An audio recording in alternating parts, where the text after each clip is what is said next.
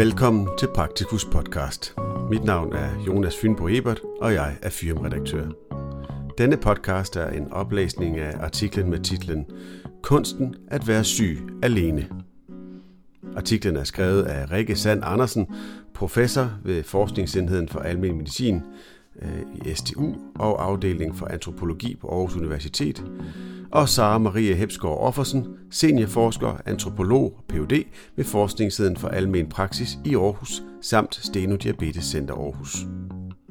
Artiklen kan læses i Praktikus nummer 260, der udkommer i juni 2022. Artiklen har undertitlen Er det et problem for sundhedsvæsenet, at stadig flere mennesker bor alene? Artiklens tekst starter her. I Danmark og i andre europæiske lande bor stadig flere mennesker alene. Nogle forskere mener, at det er en af de største sociale forandringer i nyere tid. Vi har dog kun sparsom viden om, hvorfor flere mennesker bor alene, og hvordan det hænger sammen med familienormer, køn og social organisering, herunder organisering af vores sundhedsvæsen. Med udgangspunkt i et etnografisk forskningsprojekt om ældre, der bor alene og er alvorligt syge med kræft, beskriver vi i denne artikel, hvorfor vi skal have mere forskning, der har blik for de aleneboende. I dag bor lige knap 4 ud af 10 ældre over 65 år alene, og andelen af husstande i Danmark, hvor der kun bor én voksen, nåede i 2021 op på 1,1 million. Den amerikanske sociolog Eric Kleinenberg skriver i bogen Going Solo – The Extraordinary Rise and Surprising Appeal of Living Alone, at det er en global tendens, og at stadig flere mennesker bor alene, og at Danmark, sammen med de andre skandinaviske lande, er verdensmestre i den disciplin. Det er måske ikke så mærkeligt, at Danmark er et af de steder i verden, hvor flest mennesker bor alene. Siden efterkrigstiden har en veludbygget velfærdsstat herunder et omfattende hospitalsvæsen og et fint masket net af sociale og økonomiske ordninger, haft til formål at yde alle et mindste mål af sikkerhed og omsorg i tilfælde af sygdom og alderssvækkelse. Det har betydet, at mange af de omsorgs- og plejeopgaver, der tidligere blev klaret inden for familien og i private hjem, nu udføres af pædagoger, sygeplejersker, læger, socioassistenter og i institutioner, som er skabt til formålet. Siden 1960'erne er de fleste kvinder også kommet på arbejdsmarkedet, og velfærdsstaten har gjort det muligt for alle at indgå i fleksible familie- og samlivsformer, herunder at bo alene. Forskere peger også på, at urbanisering, sociale medier, længere levealder og øget velstand bidrager til det forhold, at flere mennesker vælger eller ender med at bo alene. Alenehed og ensomhed. I forskningen og i den offentlige debat har der gennem de sidste 10 år været et voksende fokus på ensomhed og relationen mellem ensomhed og sundhed. Den forskning viser entydigt, at det både er lidelsesfuldt og sygdomsfremkaldende at føle sig ensom. Man er dog ikke nødvendigvis ensom eller single, fordi man bor alene – mange aleneboere trives med at bo alene, og forskningen viser, at det er kvaliteten og indholdet af de sociale samspil mellem mennesker frem for kvantiteten, der bestemmer, om man bliver ensom. Så hvorfor interessere sig for de aleneboende i forskningen og i klinikken? Når man bliver syg, har smerter og er træt, er der mange livsopretholdende praksiser, som at børste tænder, få tøj på, spise og blive transporteret rundt, der besværliggøres – hvis man bor alene, kræver det ekstra kræfter og tålmodighed at få hverdagen til at fungere. Det siger sig selv. Men syge, aleneboende menneskers udfordringer vokser også i disse år, fordi vi er i gang med at ændre på den ansvarsfordeling og omsorgsopgaver, der blev etableret mellem familien og velfærdsstaten i den periode, vi kort har beskrevet i det ovenstående, hvor mange af familiens og særligt kvindernes opgaver blev gjort til statens ansvar. Omsorgsarbejde er også politik og kultur. Dyb krise i sundhedsvæsenet. 19.000 jobs umulige at besætte, og det bliver kun værre. Overskrift i politikken den 9. marts. Vi kender alle overskrifterne. Der mangler varme hænder til at tage sig af de syge, og fremskrivningen viser, at stadig flere danskere i fremtiden vil leve med kroniske sygdomme som kol, diabetes og kræft. Det er naturligvis et problem, og det siger sig selv, at vi skal forsøge at løse det. De sidste år har politikere og ansvarlige inden for sundhedssystemet forsøgt at løse det ved at flytte flere omsorgsopgaver tilbage ud i familierne og i private hjem. Antallet af hospitalsindlæggelser søges nedbragt, og hospitalsophold er blevet kortere.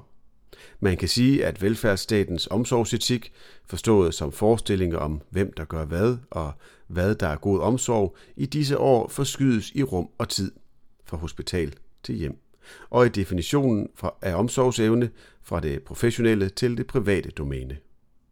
Og i den politiske retorik, der omgiver dette skifte betragtes familien eller folks private hjem ofte som naturlige eller autentiske steder for omsorg, under indsatser for pårørende inddragelse og slogans som længst muligt i eget hjem. Vi ved fra forskningen, at pårørende kan opleve at blive unødigt belastet af at skulle passe deres syge familiemedlemmer. Det er uhensigtsmæssigt. Men hvis vi skal forstå øh, kompleksiteten af den øvelse, det er at flytte rundt på omsorgsansvar, så skal vi også have blik for, at omsorgsarbejde ikke bare er arbejde. Det er også kultur og politik. Vores forskning viser for eksempel, at forhandlingen af omsorgsarbejde sker i krydsfeltet mellem moralske forestillinger om forbundethed og familieliv. For eksempel om, hvem der gør hvad, og hvad man forventer, der kan udveksles i familierelationer. Og det vi kunne kalde velfærdsstatens politiske økonomi. For eksempel fordelingen af omsorgsressourcer, tilhørsforhold til arbejdsmarkedet. Velfærdsstatens fordeling af ressourcer er med til at regulere, hvem vi forventer gør hvad, og hvorvidt døtre, sønner eller svigerdøtre har tid til at yde omsorg for familiens ældste.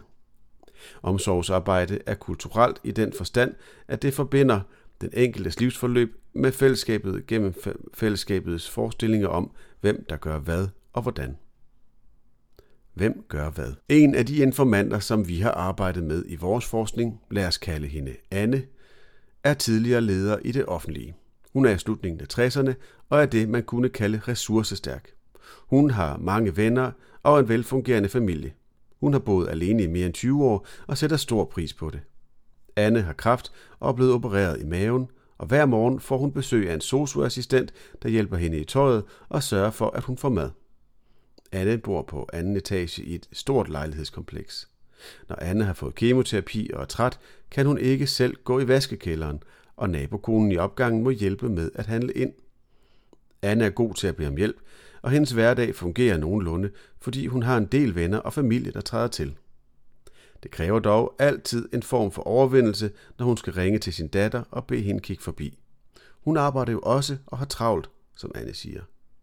Anne fortæller også, hvor flov hun blev en dag, hvor hendes barnebarn måtte hjælpe med at vaske noget meget beskidt tøj. Der var kommet afføring på det, og hun ville gerne have vasket, inden hun skulle have gæster. Hun plejer at takke nej til at lade familien hjælpe hende i bad, selvom hun trænger til det. Det er ikke deres opgave, som hun siger. En opgave for de professionelle. Dette korte eksempel viser, at der intet naturgivet er over at inddrage familien i omsorgsopgaver, og at fordelingen af omsorgsopgaver sker under hensyn til moralske forestillinger om, hvad man udveksler og med hvem i familierelationer og til velfærdsstatens politiske økonomi. Uden undtagelse talte vores informanter om, at deres yngre familiemedlemmer jo har travlt og ikke skal bebyrdes med min sygdom, eller skal have lov til at have en normal hverdag. Og alle understregede de, at der var grænser for, hvor meget hjælp de kunne bede om, og hvad de kunne bede om. Det at pleje og yde omsorg for den syge og svage krop blev af de fleste af vores informanter betragtet som en opgave for de professionelle. Også selvom mange af dem gerne vil have været mere i bad, kunne have haft gavn af hjælp til at håndtere medicin, få skiftet sengetøj eller have selskab på triste dage med smerter og træthed. Der er meget arbejde forbundet med at bo alene og være alvorligt syg. Også for ressourcestærke mennesker som Anne. Når man omfordeler omsorgsansvar, så omfordeler man ikke blot arbejdsopgaver. Man griber ind i, hvordan mennesker lever i og med intime relationer i forestillinger om privathed og uafhængighed, og i moralske forestillinger om, hvem der kan og må håndtere syge kroppe.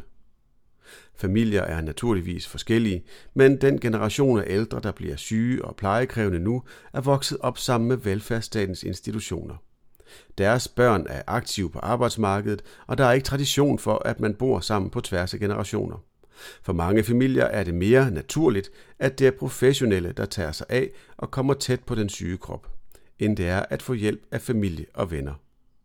Når velfærdsstaten flytter mere omsorgsarbejde over i familien og i private hjem, øger det derfor de udfordringer, aleneboende står overfor, når de bliver syge. Det behøver ikke at være et problem for sundhedsvæsenet, at flere mennesker bor alene. Men det er noget, der skal i tale sættes og tages hensyn til, når vi omfordeler omsorgsansvar. Og vi har brug for forskning, der undersøger samspillet mellem slægtskab, omsorg og velfærd. Vi er i gang med at undersøge kraftpatienters erfaringer med at bo alene og arbejder blandt andet med et livsfaseperspektiv, der kaster lys over, hvordan omsorgsbehov og moralske forestillinger om, hvem der gør hvad, knytter sig til det at være henholdsvis ung eller gammel. Men vi mangler forskning, der undersøger, om pågående forandringer øger social ulighed, hvordan de knytter sig til kulturelle forestillinger om køn og til sundhedspolitiske forestillinger om sammenhængende patientforløb. Artiklens tekst slutter her. Artiklen kan som nævnt læses i Praktikus nummer 260, der udkommer i juni 2022.